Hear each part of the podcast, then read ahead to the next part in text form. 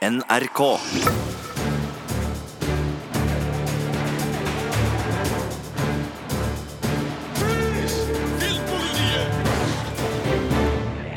Velkommen til Filmpolitiets ukentlige podkast.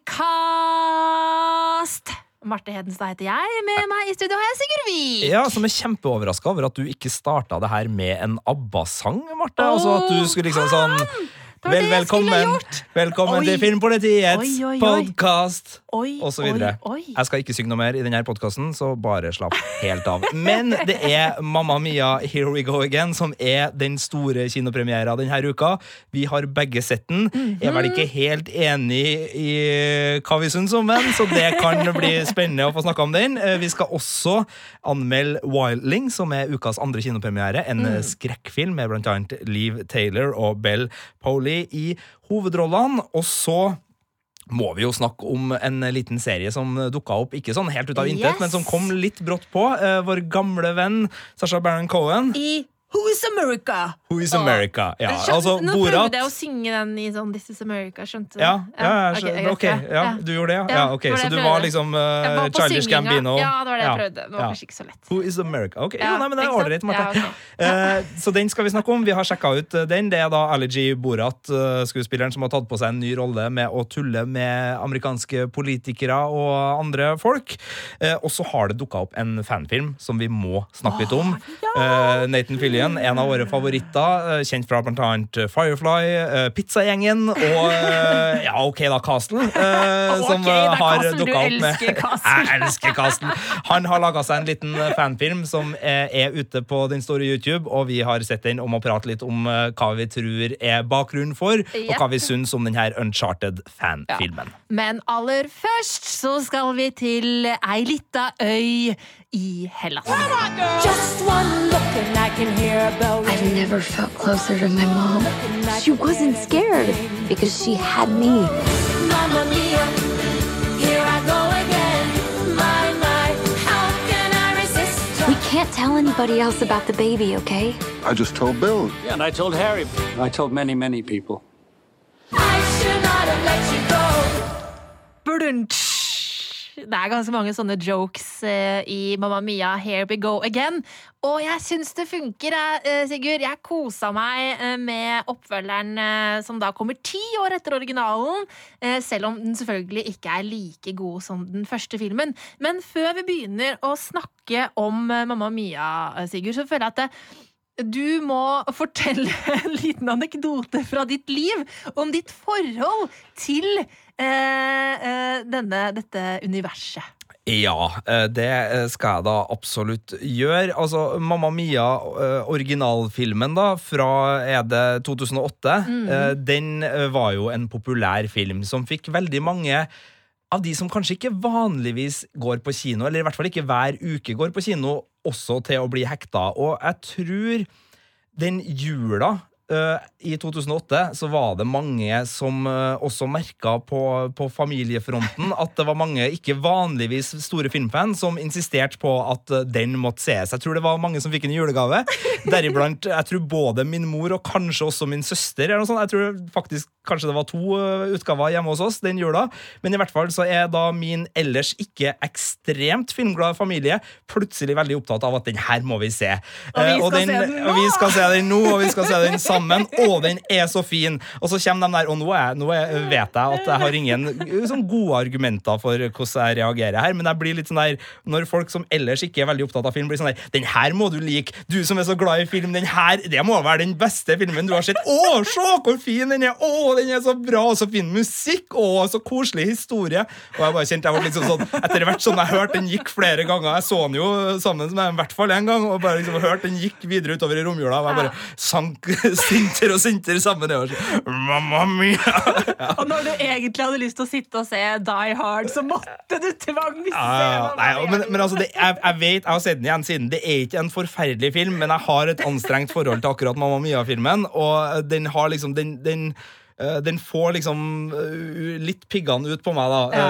Eh, ikke fordi det er folk som ikke ser film til vanlig, ikke skal få lov til det her. Så det er liksom, jeg har ingen gode grunner til det. her, bare Jeg bare merket når det ble i familien, så kjente jeg liksom at uh, mine skuldre ble litt uh, forknytt. Ja. Uh, Hvilket forhold hadde du til den første Mamma Mia-filmen? Jeg så Mamma Mia på kino sammen med min mamma og elsket den og syntes den var så fin og gråt masse og kjente at jeg å, jeg er så glad i mammaen min. Jeg hadde sånn reaksjon. Jeg synes den var kjempefin. Jeg elsker jo musikaler, og det gjør jo egentlig du også, Sigurd. Ja, ja, ja. Eh, Sånn at eh, det her det var rett opp min gate, selv om eh, Pierce Brosnan dessverre ikke kunne synge. Men og nå, kan, nå skal jeg være Nei, det, det, og det gjør han heldigvis ikke så mye av denne gangen. Men, men øh, igjen da, en liten en før vi går til, til oppfølgeren. Ja. Eh, altså, det her var en film som fikk terningkast fire av Filmpolitiet. Eh, Ja, Vår kollega Birger, Birger. Birger Vestmo han eh, hadde en legendarisk sanganmeldelse eh, som jeg tror fins i, i radioarkivet hvis man går og leter. eh, der har han anmeldt den. men jeg synes heller ikke, altså Du sa vi elsker musical, det gjør vi virkelig, men Ja. jeg syns ikke Mamma Mia den første filmen er liksom blant de klassikerne i musikalfronten. altså Den er ikke oppe blant The Sound of Music Nei, og det- uh, de, altså de helt store. Den er noen, noen hakk under. Den er ikke Grease heller. liksom Den, den er Det er sånn Nei, men eh, Jeg syns jo- kanskje en firer er, er en riktig karakter. Altså, jeg, jeg hadde nok uh, gitt terningkast fem til den. Ehm, fordi at jeg blir så revet med uh, og koser meg så innmari. Um, men det er jo noe med dette med at uh, det er en såkalt uh, jukebox-musikal. Altså musikaler som er laga på eksisterende låter. Og det er, klart at det gjør noe med både eh, det musikalske og historien i disse filmene. Um, det er jo bedre når ting er laga fra scratch eh, og bygd sammen til en helhet. Em, sånn som da Sound of Music, sånn som Singing in the Rain, sånn som alle de gamle store, sånn som Grease. ikke sant? Ja, og Um, ja. Uh, Across the Universe, som da var Beatles-varianten, Sant. eh, lider også litt Ja. av det her. Og Mm. jeg er jo også litt spent. Nå har vi jo sett nye bilder av Rami Malek, som skal spille i Queen-filmen. Ja. Jeg vet ikke hvor mye musikal det blir, og hvor mye biopic det jeg blir. har, Det blir vel sett, jeg har bare sett et sånt eh, konsertsceneopptak hvor Rami Malek står og synger, eh, og det er han som synger. Eh, og det er filmet på avstand, da, men det så helt vilt ut. Så jeg regner med at det blir sånn, en del sånne konsertopplevelser. Men jeg tror kanskje ikke at det er ikke sånn at folk bryter ut i sang og synger i gata, liksom. Nei. Eh, Det gjør de jo i første Mamma Mia-filmen, og det gjør de jo Ja. definitivt også i andre uh, Mamma Mia-film. Here we go again. Uh, take it away, Marte Henestad. Oi, ok, greit. Uh, vi er jo da fem år senere enn den første filmen. Um, og skal vi spoile det som traileren ikke spoiler, men som er åpenbart fra begynnelsen av filmen? Usikker. Uh, Meryl Streep er ikke med i Nei. starten. Det kan vi si. Hun er Det ikke med i starten av filmen. Eh, og eh, godeste Sophie, spilt av Amanda Seyfried, hun har tatt over da eh, dette hotellet i, på denne greske, lille, idylliske øyen. og skal ha en sånn nyåpning av hotellet. og det går selvfølgelig skeis. Men dit skal det komme alle disse gamle kjente som Do- Donna sine venninner og Donna sine tidligere elskere, altså Sophies tre fedre. Um, og så, mens da liksom Sophie sliter med å få til dette opplegget, så tenker hun tilbake på hvordan var det mamma klarte det. Eh, og dermed tas vi tilbake med til 70-tallet, da. eh, og får se liksom hva som skjedde denne første sommeren da Donna var eh, ferdig på college eh, og stakk til denne greske øya og møtte mennene sine for første gang. Så det er et veldig enkelt eh, premiss, eh, men jeg kjenner at jeg liker eh, jeg liker den forhistorien eh, ganske godt. Jeg syns det kanskje ikke er like bra eh, når vi er i nåtid. Um, selv om jeg syns eh, både Stellan Skarsgård og Colin Firth og Pierce Brosnan er veldig gode sammen. Og også Amanda Seyfried og Pierce Brosnan har noen veldig fine og rørende scener sammen. Um, men jeg ja. Ja, jeg bare kom med et spørsmål, for du sa uh, så følger vi liksom hvordan Sophie sliter med å liksom få det til i, i nåtiden. Ja. Og det gjør vi jo. og Filmen vil jo virkelig at vi skal føle på det her, eh, alle utfordringene hun har. Mm. Spørsmålet mitt er er det egentlig utfordringer. Sliter hun egentlig, eller er det bare regnskur? Nei, altså, det er litt det, det Ja, men jeg tror for til hun Det handler om mer enn Ja, bare at hun sliter. Hun har eh, problemer i livet sitt. Eh, Ja. Men, men det som jeg syns er et problem med filmen, er at den aldri tar inn over seg de temaene som den tar opp. Den tør aldri å på en måte være så sår som den burde ha vært. Da. Fordi det er er vanskelige ting som skjer i livet, som på en måte blir nevnt og sagt, men det blir, blir, blir ikke gjort nok ut av det. Jeg er helt enig med deg, og det, jeg synes En av de store problemene til filmen er nettopp det at den vil være den sukkersøte, lystige, Yes. men den driver og tar opp veldig tunge ting. Det er akkurat det. Eh, og den har øyeblikk hvor den virkelig vil at vi skal gråte, så det er ikke sånn at den er Og da gråt jo undertegnede. Du gjorde det, og da altså. satt jeg med mitt kyniske blikk, vi satt ved siden av hverandre i kinosalen, og bare tenkte sånn Nei, det her er for drøyt. Og så kikker jeg bort på deg, og så ser jeg liksom Ja. bare tårene renner. Og så Ja. tenkte jeg ok, det er noen som syns at det her er akkurat passe. Men, men, eh, men det har litt med altså, Nå vil jeg ikke avsløre for mye, men, men akkurat det at jeg gråt så innmari mye der, det er litt sånn personlige ting i livet mitt som påvirker at jeg liksom knakk så innmari der, da. Men jeg kan jo bare si, uten å si hva som skjedde, at det er en sånn veldig sånn trykke på knappen, grin nå-avslutning på filmen. Det er det. Som er veldig fin. Ja. Eh, og jeg gråt masse. Sånn, det var sånn hulkegrining, liksom. Og så kommer ekstranummeret! Ja, Og da det- skal det være fest rett etterpå! For, Yeah, yeah, yeah, yeah, yeah. For det er, det er en sånn film som må liksom Det viktigste for manusforfatterne her virka å være alle må få sin slutt. Ja. Alle må liksom Yes. få sin grand finale. Og Eh, ingen også... i publikum må være lei seg når Nei. de går ut av kinosalen. Nei. Dette skal være koselig! Ja. Dette skal være så trivelig! Ja. Og, og ja, Overskrifta til Birger på anmeldelse av eh, første film, søt feelgood-film, den står seg, den, for film Absolutt. nummer to, for det her er nettopp det, da. Ja. Og, eh, og som du er inne på, altså, det, det er, den har ting i seg som er ektefølt, Mm. Uh, men den dampveivalser over med, med blomster og, og sjø, sjøsprøyt, holdt jeg på å si, litt for ofte. Jeg syns den kunne ha vært mye bedre. Og så Jeg sliter litt med at uh, det, den forhistoria skal være veldig sånn sjarmerende. Det er tre fedre. Mm. Hun har møtt tre menn i en ganske kort periode. Første filmen spilte jo på at uh, hvem er faren hennes. Yes. Samtidig så er det her en sånn film der mora driver og sier sånn jeg er ikke en slik pike, flere ganger, eh, for å liksom illustrere at det her er ikke en sånn tøyte på, på Hellas-ferie. Hun er et ordentlig kjernesunt menneske. Og det er ikke noe problem det er ikke- det- er ikke noe problem, men jeg har et problem med at filmen prøver å unnskylde den sida ved seg sjøl. For den prøver liksom å, ta, å ufarliggjøre den delen av historia som egentlig er ganske fin. Så jeg syns liksom det, at, øh, det at det ble et sånt viktig element i filmen, gjorde at det bare skurra litt. Men det er jeg ikke enig i. Det? nei, for at det, at hun sier 'jeg er ikke en sånn jente', altså, eh, det er jo mer sånn derre Det er en joke. Altså, og, og hun er jo en sånn jente. Eh, så, hun har jo tydelig Det er veldig tydelig fra starten at hun har ganske mye erfaring på soverommet. Ja, men jeg er ikke enig i at filmen Altså, filmen vil at vi skal tenke begge deler.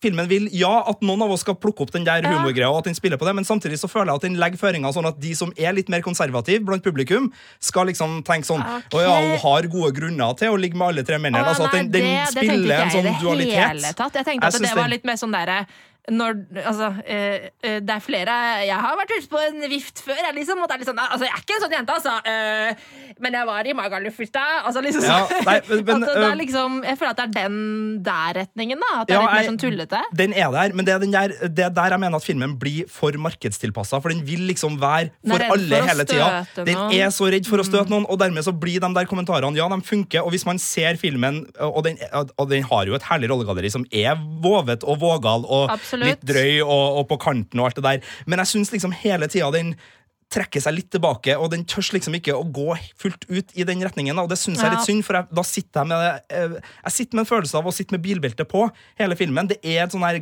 lag av trygghet Den er tillatt og for alle, Ja, eh, og, og det. Mm. det syns jeg kanskje at den Altså, den hadde blitt bedre hvis den hadde torsa fullt ut. Og det som du sier, det er ikke noe det er, Hun er ei knallkul dame, så det her var ikke noe, ja, altså, noe sånn shaming James. av det i det hele tatt. som spiller den unge versjonen av Donna, som da er Meryl Streep sin rollefigur. Eh, og jeg syns hun er supersjarmerende.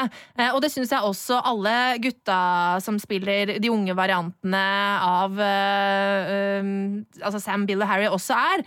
Så jeg syns det er veldig veldig sjarmerende, og jeg koser meg med det, selv om det lugger litt av og til når jeg, når jeg ser at ok, her prøver liksom, her prøver Lily James å le akkurat sånn som Meryl Streep ler, eh, og så sånne ting. Eh, da, da får jeg litt sånn yeah. men, men utenom det så syns jeg det funker veldig fint. Um, og jeg, jeg koser meg med det, uh, selv om jeg ser hvilke feil filmen har, så syns jeg den likevel klarer å underholde meg. Eh, og da har den jo på en måte gjort det riktige. Og så må vi snakke om en ting som eh, det er veldig mange som har spurt meg om når jeg, snakka rundt omkring om eh, denne filmen.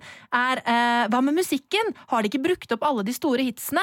Um, og ja, de har brukt opp veldig mange av de store hitsene, men det er fortsatt en ganske mange store eh, låter med her. eh, Selv Ja. om de òg må De bruker jo Dancing Queen igjen.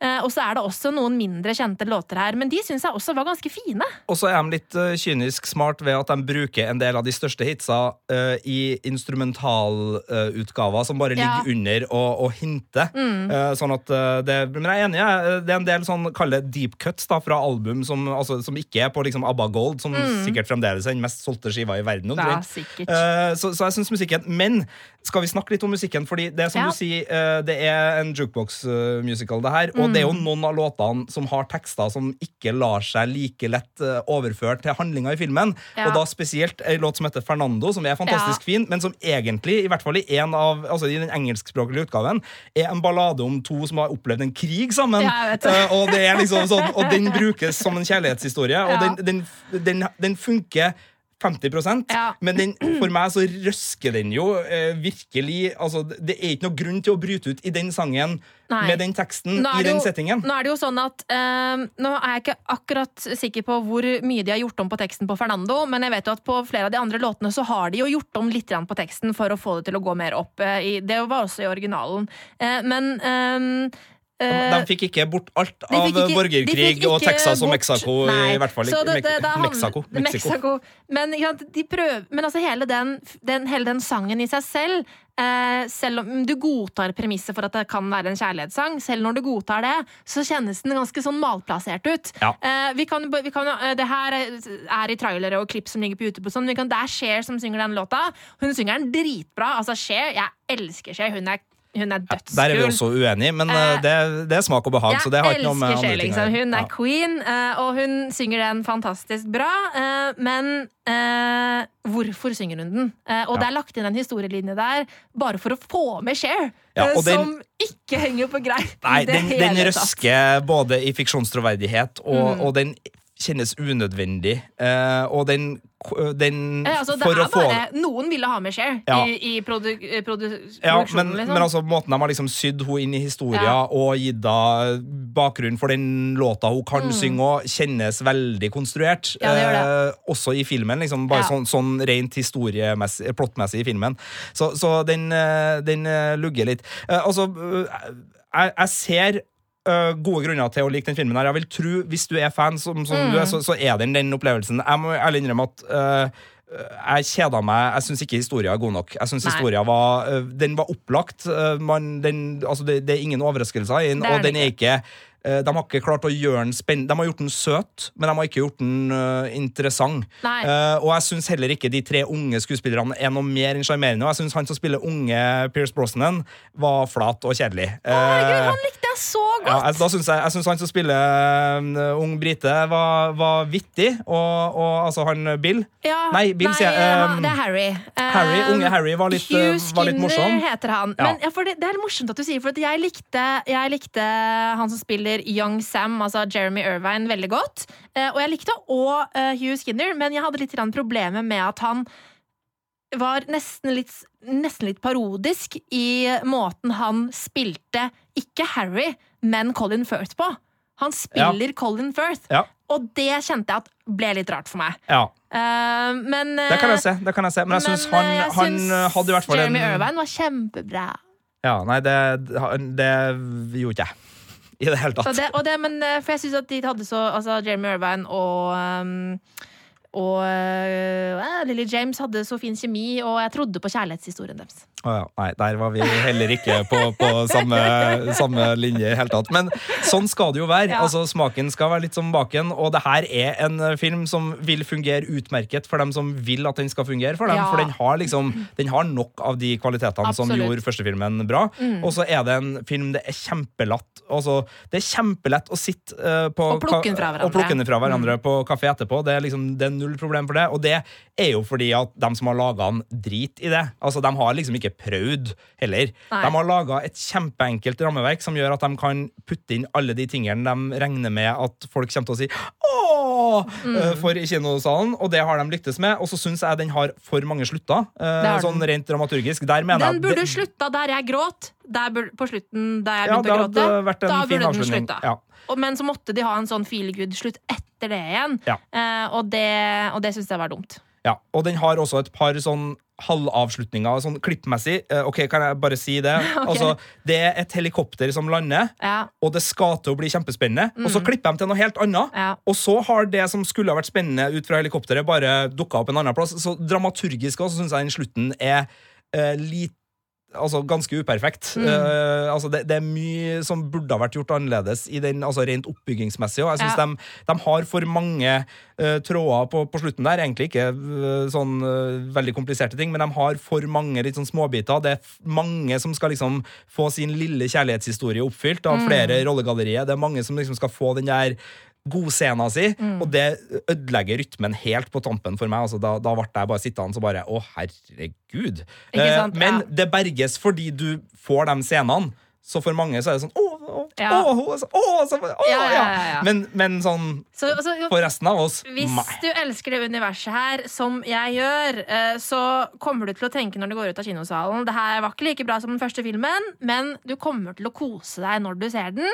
Og du kommer til å gråte litt, og du kommer til å bli underholdt. Og derfor ble det en ternekast fire fra meg til Mamma Mia. Here we go again.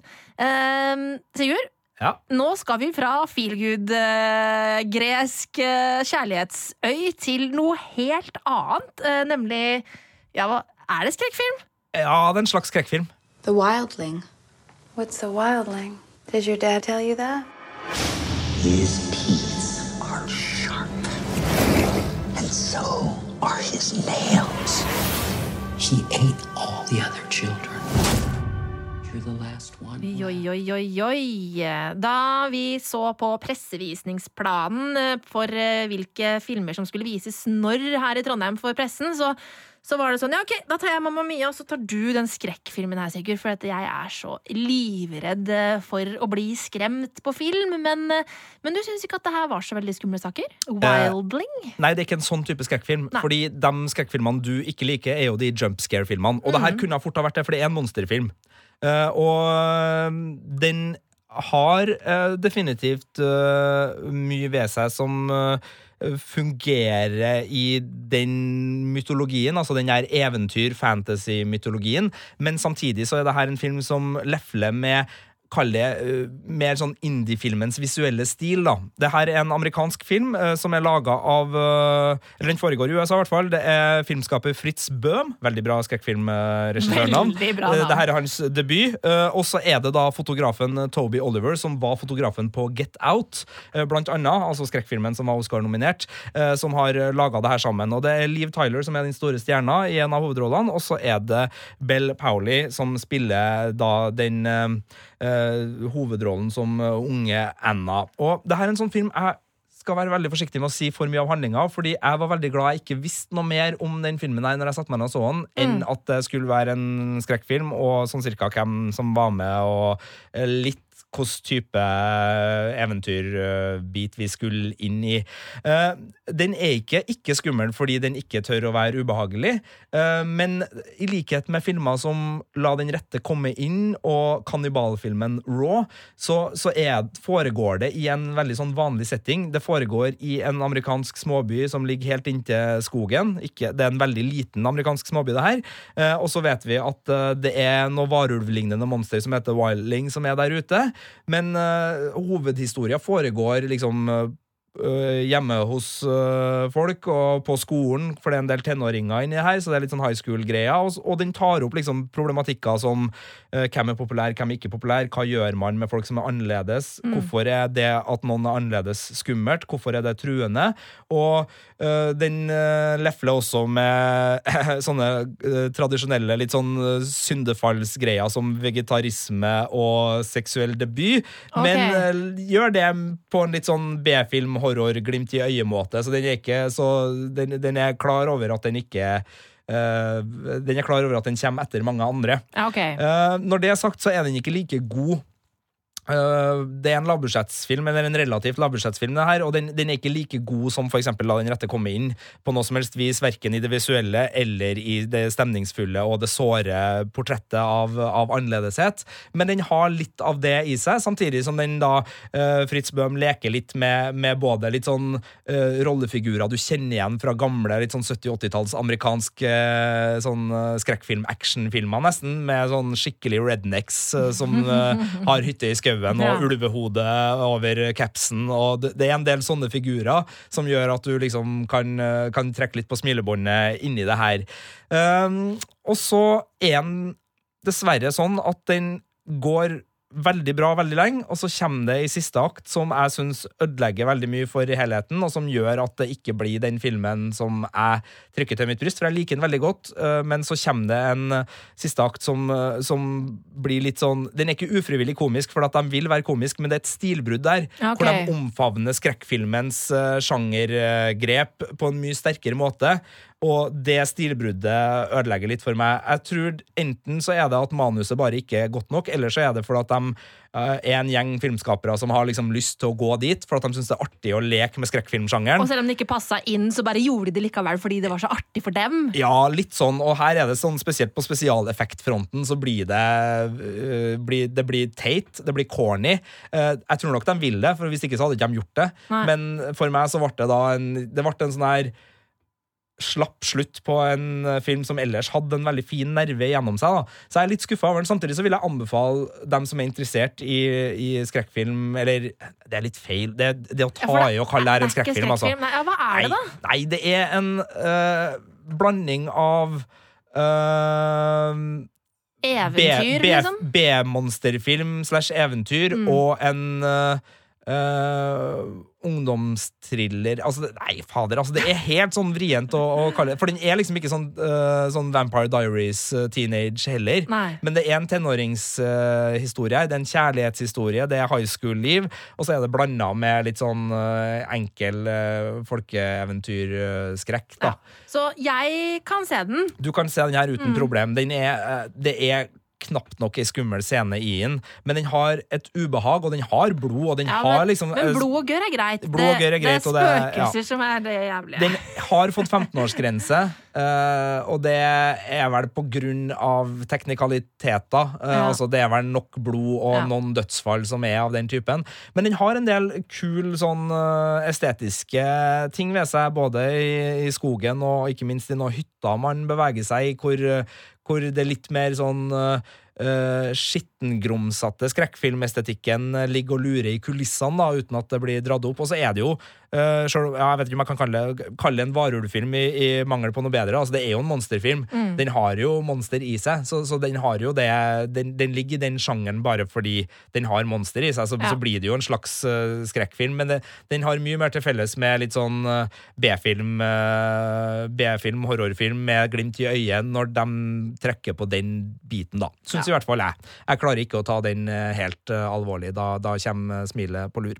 Men eh, solid nok eh, og, og interessant nok til å fungere som en kinofilm for dem som eh, liker sjangeren. Uh, Sjøl om den eh, i hvert fall for meg Jeg vet at det er mange som har likt den her mye bedre enn meg, så det er godt mulig at flere andre der også vil, vil kose seg med den. Men eh, en firer fra meg, og en litt snill firer, og egentlig på ja. grunn av eh, slutten.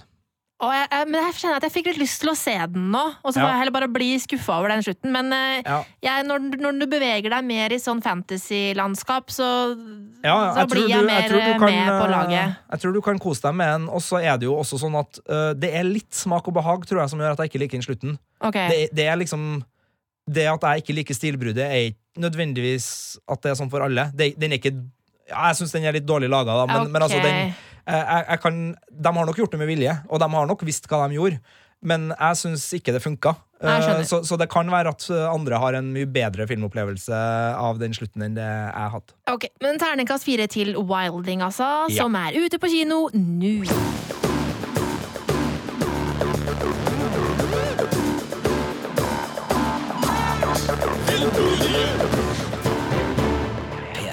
Den uka her så dukka det opp en ny TV-serie i HBO Nordic, nemlig Who is America? Sheket Sair. My name, Kolonel Iran Morad.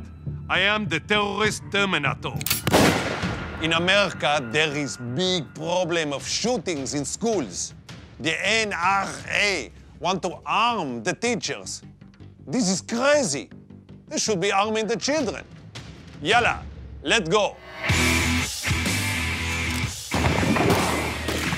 Ja da, Sasha Baron Cohen er tilbake, han nok en gang med eh, forkledning, eh, props i trynet og parykker på huet og en, eh, en rolle han setter seg inn i eh, når han skal eh, da ja, sjekke ut eh, hvor er det Amerika er i dag. Ja, det virker som det er motivasjonen hans, og det her var en serie som eh, kom litt eh, brått på. Altså, vi har hørt snakk om en eh, Sarah Palin, Palin. Eh, politikeren i USA har vært ute og, og kritisert den i forkant, og vi visste at det var et prosjekt der, og så kom det beskjed hva var det i forrige uke. HBO Nordic eh, tar den her Showtime-serien, for det er Showtime som lager den i USA, og eh, får den ut eh, i Norge også samtidig, og da dukka den episoden opp eh, nå på mandag, var det vel. Yes. Og jeg merka jo veldig fort at Facebook-feeden min fyltes opp av folk som hadde sjekka ut det her, og bare sånn wow, fy faen, amerikanerne er gæren, og, og, sånn, og det er mye sprøtt der, og, og det er mye crazy, så det var, det, den trigga liksom alle de bitene, og, og det er ingen tvil om at uh, Sasha Baron Cohen har gjort igjen det han gjorde så bra med Allergy, med Borat osv. Uh, men samtidig, når jeg satte meg ned og så det her, litt skuffa. Uh, fordi det, ja, det er sjokkerende, men det er ikke overraskende. Og ja, det er drøyt, men det er ikke overraskende.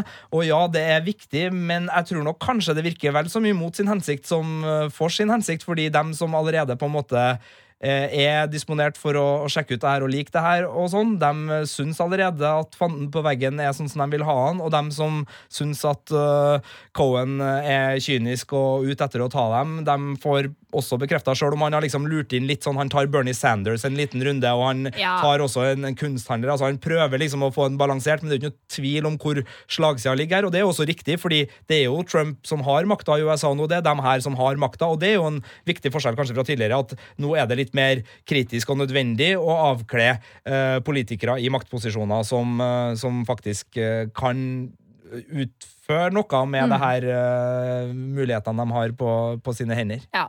Eh, det, det som slår meg, er at eh, eh, ja, det er, jo, eh, det er jo den vi hørte lydklipp av her, hvor han spiller en israelsk hva, hva er det han egentlig er? Eh, eh, Han, ja, han er jo, våpenforkjemper? eh, han er jo terror, terroristen, holdt jeg på å si. Ja. Altså, han er han som rydder opp. Ja. eh, Ja, en slags Eh, eh, spesialsoldattype. Som som, eh, som eh, går rundt til eh, kongressmedlemmer i USA og eh, påstår at i Israel så har de startet et prosjekt hvor de skal eh, gi eh, våpen til småbarn, og prøver da å få eh, kongressmedlemmer til å bli med på at dette kan få gjennomslag også i USA. Eh, og det er jo selvfølgelig sykt å se hva de sitter og sier, eh, disse amerikanerne, og liksom syns det er helt greit at og liksom ikke blunker nesten engang eh, med tanken på at et fireåring kan, kan holde et eh, maskingevær, liksom. Men, men det er jo ikke så sjokkerende likevel, fordi at vi vet jo at de folka der fins. Vi veit at, de- at folk i, med makt i USA har sånne holdninger. Og så syns jeg at, sånn at det, Jeg kjenner at hele greia blir litt sånn utdatert for meg. Eh, og også humoren i, i eh, flere i resten av serien eller episoden med de andre scenene. At det er litt sånn utdatert. Altså han, eh, han snakker med Bernie Sanders, han snakker med et ektepar hvor den ene er demokrat og den andre er republikaner, så vidt jeg forsto. Og så er det en kunstner. eh, og så er det da disse kongressmedlemmene.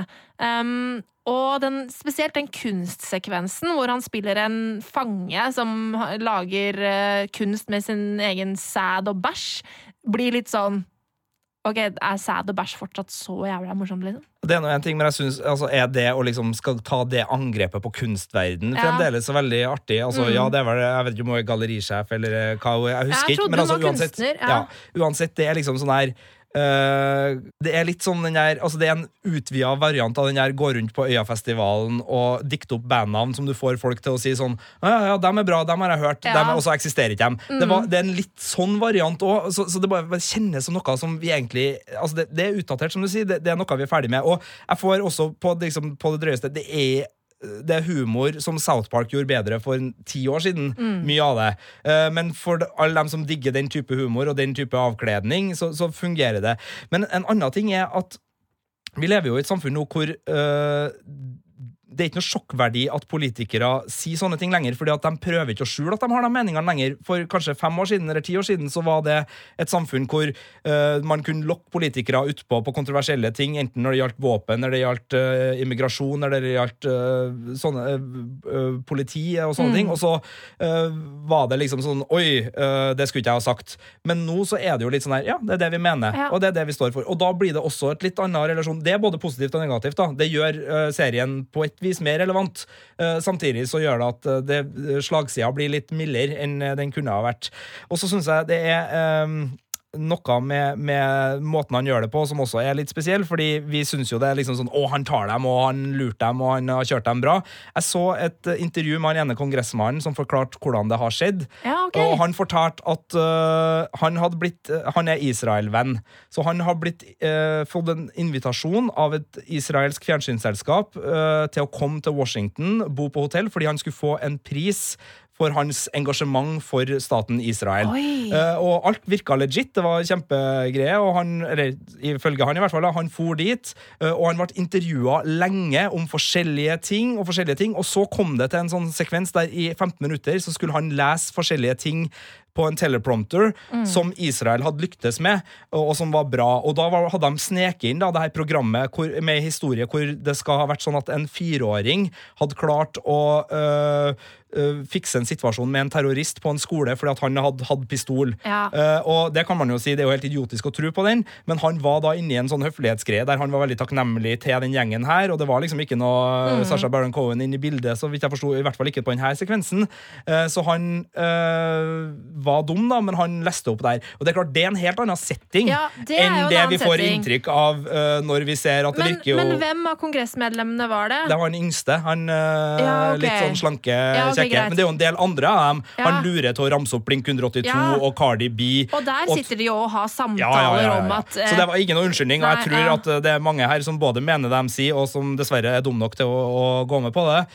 Men, og det er jo ikke noe unnskyldning å lese på sånne ting, egentlig. Og det irriterte meg, for det her var jo et intervju med han stakkars kongressmannen som skulle liksom fortelle sin, historie. Mm. Han, han flira av det, han også. Men eh, spørsmålene om men er ikke ditt ansvar å sjekke hva du faktisk leser, kommer Ja. jo aldri fra intervjueren Nei. Mm. i denne nyhetsinnslaget heller, så, så det er jo mye her. Men, men, men det er noe med, med stilen rundt her som gjør at er det liksom verdt så mye bedrag for å lokke ut noen sånne setninger fra dem som nesten bare er med til å polarisere det. Det spørsmålet bør man i hvert fall stille seg. Så kan man jo kanskje ende opp med at ja, det er det faktisk, for det er viktig å vite hvem de menneskene er, og det er maktmennesker, og det er viktig å, å undersøke det her. Så, så jeg sier ikke noe enten-eller, men samtidig så det føles eh, Føles som litt stor ståhei for eh, ikke ingenting, men mm. litt eh, lite nytt under Ja. solen, da. Altså, ja, altså, jeg er helt enig med deg. Jeg lo noen ganger underveis, altså. Eh, og, men det er bare at det føles utdatert, eh, og som du sier, at det er liksom ting man allerede veit, sånne type ting. Eh, men jeg kommer til å følge med, i hvert fall sjekke ut de neste episodene, og jeg må, må jo se det Sarah Palin-intervjuet, selvfølgelig. Eh, sånn at det er sikkert Det er jo underholdning å hente her, men, men jeg er ikke sånn veldig imponert eh, akkurat nå etter første episode, altså. Og for tredje gang i dag, smak og behag. Det er Ja, det det. tror jeg også. Det er det. Det er sikkert noen som kommer til å daue og kommer til å ligge og grine av latter av den eh, jeg tegner med Jeg maler med bæsjen min og sædet mitt, eh, og får liksom ja, eh, dama til å virkelig gå helt med på at dette er god og viktig kunst. Ja. Og det er ikke sikkert det er de samme menneskene som kommer til å sitte og se Mamma Mia 2. Nei, det er og eh, ikke kjempeelske Men det kan være det. Det kan Det kan godt være det. Det være Men eh, folk har Jeg smak. Du Ja. så begge. Likt én. Ja. Men uh, fanperspektivet er jo en fin overgang, for vi må jo snakke om en eh, fan som har utmerka seg spesielt denne uka. Du sendte meg noen meldinger i helga. Du var Altså, super, jeg- supergira. Altså, hjernen min eksploderte. Hjernen min eksploderte fordi jeg oppdaga på Instagram at Nathan Fillion hadde drevet og lagt ut hint. Han hadde drevet og lagt ut hint. Han hadde la eh, lagt ut et bilde av artisten Drake. og så hadde han like etter, eller dagen etter eller noe sånt, nå, lagt ut et bilde av eh, noe kart og et, eh, og et sånt forstørrelsesglass som ligger på et bord, og jeg bare Herregud! Det er Nathan Drake! Oh my god, Endelig kommer det! Han skal avsløres, så sto det sånn Avsløres, kommer mer på mandag. Og jeg bare, å herregud, hjernen eksploderer. Nathan Fillion skal spille Drake i den nye Uncharted-filmen. Og jeg var så sykt spent, fordi at den Uncharted-filmen har jo vært eh, på en måte in the works i årevis. Og manuset har vært eh, omskrevet tusenvis av ganger. Eh, og alt mulig sånn der. Og så bare sånn, nå skjer det. Storfavoritten for rollen skal faktisk endelig få rollen. Og så på mandag så kommer det en fanfilm. Ja. Et eh, kvarter langt uh, lite anslag til en større film, kan man vel kalle det. Ja. Der uh, Nathan Fillian spiller uh, Drake og er bundet opp av noen sk skumle skurker, Mm. og det er noe kompass inne i bildet, og det er noe stjålne gamle Ja. eh, antikviteter på, på ville veier, og det er noen dagboka i noen sjøfartslogger Ja, fra Akkurat som 1500-tallet. Og-. Det er deilig, deilig. Eh, Men ble, først så ble jeg skuffa da jeg så hva det var. Ehm, Jeg, jeg satt faktisk hos frisøren akkurat da og så ok, der kom det. Og så sjekker jeg hva det er, så bare Fanfilm, hva faen? Og så kunne jeg ikke se videoen akkurat der. uh, For jeg satt hos frisøren. Um, så jeg ble liksom satt og var litt skuffa, men så kom jeg hjem. Så får jeg opp eh, YouTube på TV-en og, og ser den der, og så elsker jeg jo fanfilmen! Det er jo en skikkelig sånn kjærlighetserklæring til Drake og Uncharted, og det funka jo som faen. Jeg er jo så heldig at jeg har ikke spilt ferdig alle spillene ennå, så jeg bare kjente jo at det kribla. Uh, og jeg må, jeg må spille ferdig Uncharted. Jeg kjøpte den der nyutgaven til PS4 av de tre første, som er Ja. oppgradert, eh, så, Ja, ja, så jeg skal, jeg skal Mm. bare ja, kose meg med den. Men ja. Uh, og det, det som jeg syns er litt interessant her, da, er at eh, jeg tror at det her ikke bare er en, eh, en fan eh, greie for Nathan Feeden. Han har jo lenge vært liksom fansens hovedfavoritt til å spille Drake, fordi Altså, Se på mannen. Han er Drake. Og når du ser liksom hvilke type roller som Nathan Fillion spiller, så er jo det også hvordan altså, rollefiguren Drake er i spillene. Um, sånn at uh, det er jo en perfect match. Uh, og så kan vi tenke tilbake på hva som skjedde med Deadpool. Uh, fordi Deadpool, den var også en sånn film som bare aldri blei noe av. Det var tilbake i 2005 så ble Ryan Reynolds kontakta for å være en del av det prosjektet, og liksom hadde fått den rollen, men det ble jo bare aldri noe av, og det var ting som ble skrevet om, og han skulle jo egentlig Det skulle jo være den Deadpool-varianten som vi så i X-Men, husker du det? Hvor munnen var sydd igjen og sånn, som fansen hata. Um, og det var masse greier, eh, og masse styr, og utsettelser og utsettelser. Uh, og så lagde uh, Fox og Ryan Reynolds De lagde en um, screentest som tilfeldigvis eh, lakk ut på internett. eh, og det er jo en eh, screentest som ligner ganske mye på den første scenen eh, i Deadpool, den bilsekvensscenen. Um, og internett klikka jo. Eh, Det var i 2014, eh, og folk gikk jo mann av huset og var helt over seg. Og Ryan Reynolds sjøl har sagt at han tror at den screentesten var grunnen til at Deadpool da faktisk fikk grønt lys. Men mener du nå, Marte Hedenstad, min kjære kollega, at det kan være at uh, det her er en slags test på markedet for å se Ja. om internett klikker i vinkel og går amok, og podkaster i Norge bare kaster seg Ja. over det og elsker Nathan Fillion og Ja. vil ha Uncharted-filmen med Nathan Fillion Ja, nå! og det er akkurat det jeg tror at eh, Nathan Fillion har tenkt. Uh, Og så uh, vil kritiske røster si at Men, Marte, hør nå her! Det er jo allerede en annen skuespiller som skal være attached eh, til rollen, nemlig Tom Holland. Uh, I 2017 så kom det jo eh, en beskjed om at Tom Holland skulle spille Drake i en sånn prequel-film, som den unge Drake. Har du spilt Uncharted 3? Nei. Nei, ok, for der er det en sånn sekvens hvor du spiller eh, Drake som ung når han møter Sully for første gang. Så da var det liksom tenkt at ja, kanskje det kunne være en egen film. Eh, Men det har jo ikke skjedd noe særlig mer der siden mai 2017. Så nå håper jeg bare at, Nathan Fillion bare har tatt grep og bare Men for faen, fuck prequel eh, Drake. Eh, Vi skal ha gamle Drake, som jo ser i Uncharted 4, og det funka jo dritbra. Eh, Så jeg bare Vær så snill, internett. Klikk! Gå bananas! Bare bare få det her til å skje! Jeg trenger å se Nathan Fillion som Drake i en langfilm! Åh, men det er veldig fint Det er veldig fint når skuespillere og fiksjonsverden så til de grader funker. Ja. Og helt på tampen av podkasten her, nå, Marte, så vil jeg bare ta et lite øyeblikk uh, og si at det skjer også en annen plass i fiksjonsverdenen akkurat nå. For denne uka så kom nemlig de første bildene fra innspillinga av The Crown. Ja! Uh, og da det som blir sesong tre. Og der er det jo en del skuespillerbytter. Jeg hadde ikke fått med meg det her, så for meg så ble eh, sjokket og gleden enda større. Det er mulig nyheten hadde kommet tidligere, men nå kom i hvert fall de første bildene av Tim Burton-favoritten min Mm. og Harry Potter-skurk nummer eh, tre. Eh, Helena Bonham Carter, Ja. som da skal spille eh, prinsesse Margaret i sesong tre av The Crown. Eh, det er en rollefigur, eh, slash virkelig figur, som er kanskje den jeg liker aller best i The Crown. Den mest spennende i Windsor-familien, i hvert fall. Ja, hun er herlig dekadent, hun er vittig, hun har snert, og jeg må si det at Helena Bonham Carter, som jeg har elska i så mange ulike roller, og hata, men allikevel elska Ja. i flere roller, eh, skal ta den her, det, det fyller meg med glede. Altså, Ja. Hun ser så perfekt ut for rollen. Hun holder i et sigarettmunnstykke, har uh, en sveis, en hatt, en uh, et, ja, Jeg vet ikke om det heter frakk på det hun har på seg, men det er i hvert fall pent. Og måten hun bare holder på, Ja. oser personlighet. Det er så perfekt matchet! Jo, jeg tenkte det samme, at det der kommer til å bli knallbra. Jeg er jo mer usikker eh, på Olivia Colman som skal ta over for Claire Foy. Ikke fordi Olivia eh, Colman ikke er en fantastisk skuespiller, men fordi jeg bare elska Claire Foy som dronninga.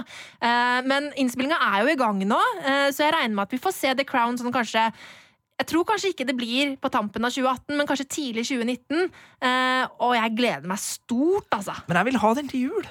Ja, men altså, når de begynner innspillingen i juli, blir ikke Ja. det litt knapt med tid? Det Det er, er jo da, det er jo da The Crown har pleid å komme, i november og desember. Ja. Eh, men jeg, synes, Jeg vil ha tror 20 det 23. desember vil jeg ha The Crown sesong knapt. Å, det hadde vært nice. Og så vil jeg at den skal starte med to episoder To juleepisoder.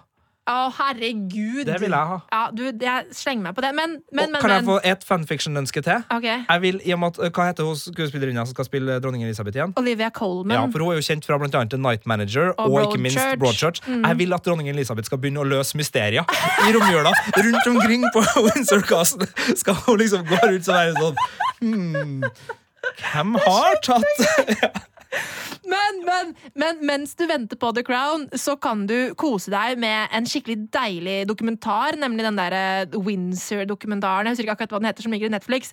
Bare søk på Windsor i Netflix, så finner du den. Masse deilig grums om kongefamilien. Eller så kan du jo bare binche Downton Abbey i eh, Amazon. Og så kan vi jo også bare glede oss over at det kommer en Downton Abbey-film, folkens! Ja, for det, Du har jo, gått, du har klikka vinkel i to ganger Ja, eh, på vår mye. interne filmpolitichat Ja. den siste tida. Det, det ene var Nathan Fillian-greia. Ja. Det var sånn oh my god, oh my god, oh my god. Det andre var jo når nyheten kom om At det blir Downton Abbey-film, altså det er jo fabelaktig. Jeg gleder meg eh, så mye til å se. Og jeg er bare sånn, Vi vet jo ikke hva den skal handle om, men, men altså, det blir bra. U altså, det blir, uansett hva som skjer, så blir det bra. Jeg har enda ikke sett ferdig Downton Abbey. Jeg har bare sett starten på sesong én, og det har jeg gjort flere ganger. For Du jeg har prøvd å snakker liksom om juleepisoder! ja. Det er jo så mange fine jul... Ja, altså, du må ta og gå i Amazon Prime og se bare alt. ja, Bare gjør det. skal jeg gjøre det? Jeg, jeg føler, hvis du, du liker jo The Crown, så Ja. hvorfor ikke Men den er jo historisk Jo, det er interessant fordi den handler om bare derfor mennesker. du liker den. Nei, det er mye fint der òg, men bare liksom sånn britisk dekadense i oh, Åh, jeg elsker det. Jeg elsker Altså, det er det med smak og behag igjen, da, Jo da, det er var kanskje det ikke helt min tekopp. Men, men hvis du liker The Crown, så tror jeg man har uh, veldig stor sjanse for å like Downton Abbey også. Men nå, Sigurd, er vi vel ved veis ende, er vi ikke det? Det er det. Jeg lover jeg skal se Før den Downton Abbey-filmen har Da kommet seg på kino, så skal jeg ha sett ferdig Downton Abbey. altså. Veldig, veldig bra. Veldig, veldig bra. Tusen takk for at eh, du hørte på, kjære lytter. Jeg må bare skyte inn en ting til. Ja. Eh, For dem som savna Orange is the New Black-anmeldelsen i dagens podkast, så er det bare for at det var så mye annet å skravle om. Eh, Anmeldelsen vår ligger ute av hele sesong eh, seks, så bare sjekk den ut på nettet. Og så skal vi ta en ordentlig prat om den Mm. i neste podkast, som kommer ut samtidig som hele sesong legges ut på Netflix. Det er ei uke til. Da kommer Orange is the New Black sesong seks, og da skal vi skravle masse om den. Men eh, for dem som er veldig spent på hva vi syns, så er det bare å gå på p3no.filmpolitiet. Ja. Nei, skråstrek filmpolitiet. Skråstrek Filmpolitiet. Og hvis du som hører på har noen innspill om hva vi skal snakke om, eller har noen spørsmål, eller hva det måtte være, send oss en e-post på filmpolitiet at nrk.no. Og så blir vi også veldig glad hvis du tar og gir oss en liten rating og eh, litt konstruktiv kritikk, eller ros, om du vil, eh, der du finner dine podkaster. Så, så blir det bra, vet du. Tusen takk for at du hørte på, så høres vi igjen neste uke. Du finner flere podkaster på p3.no podkast.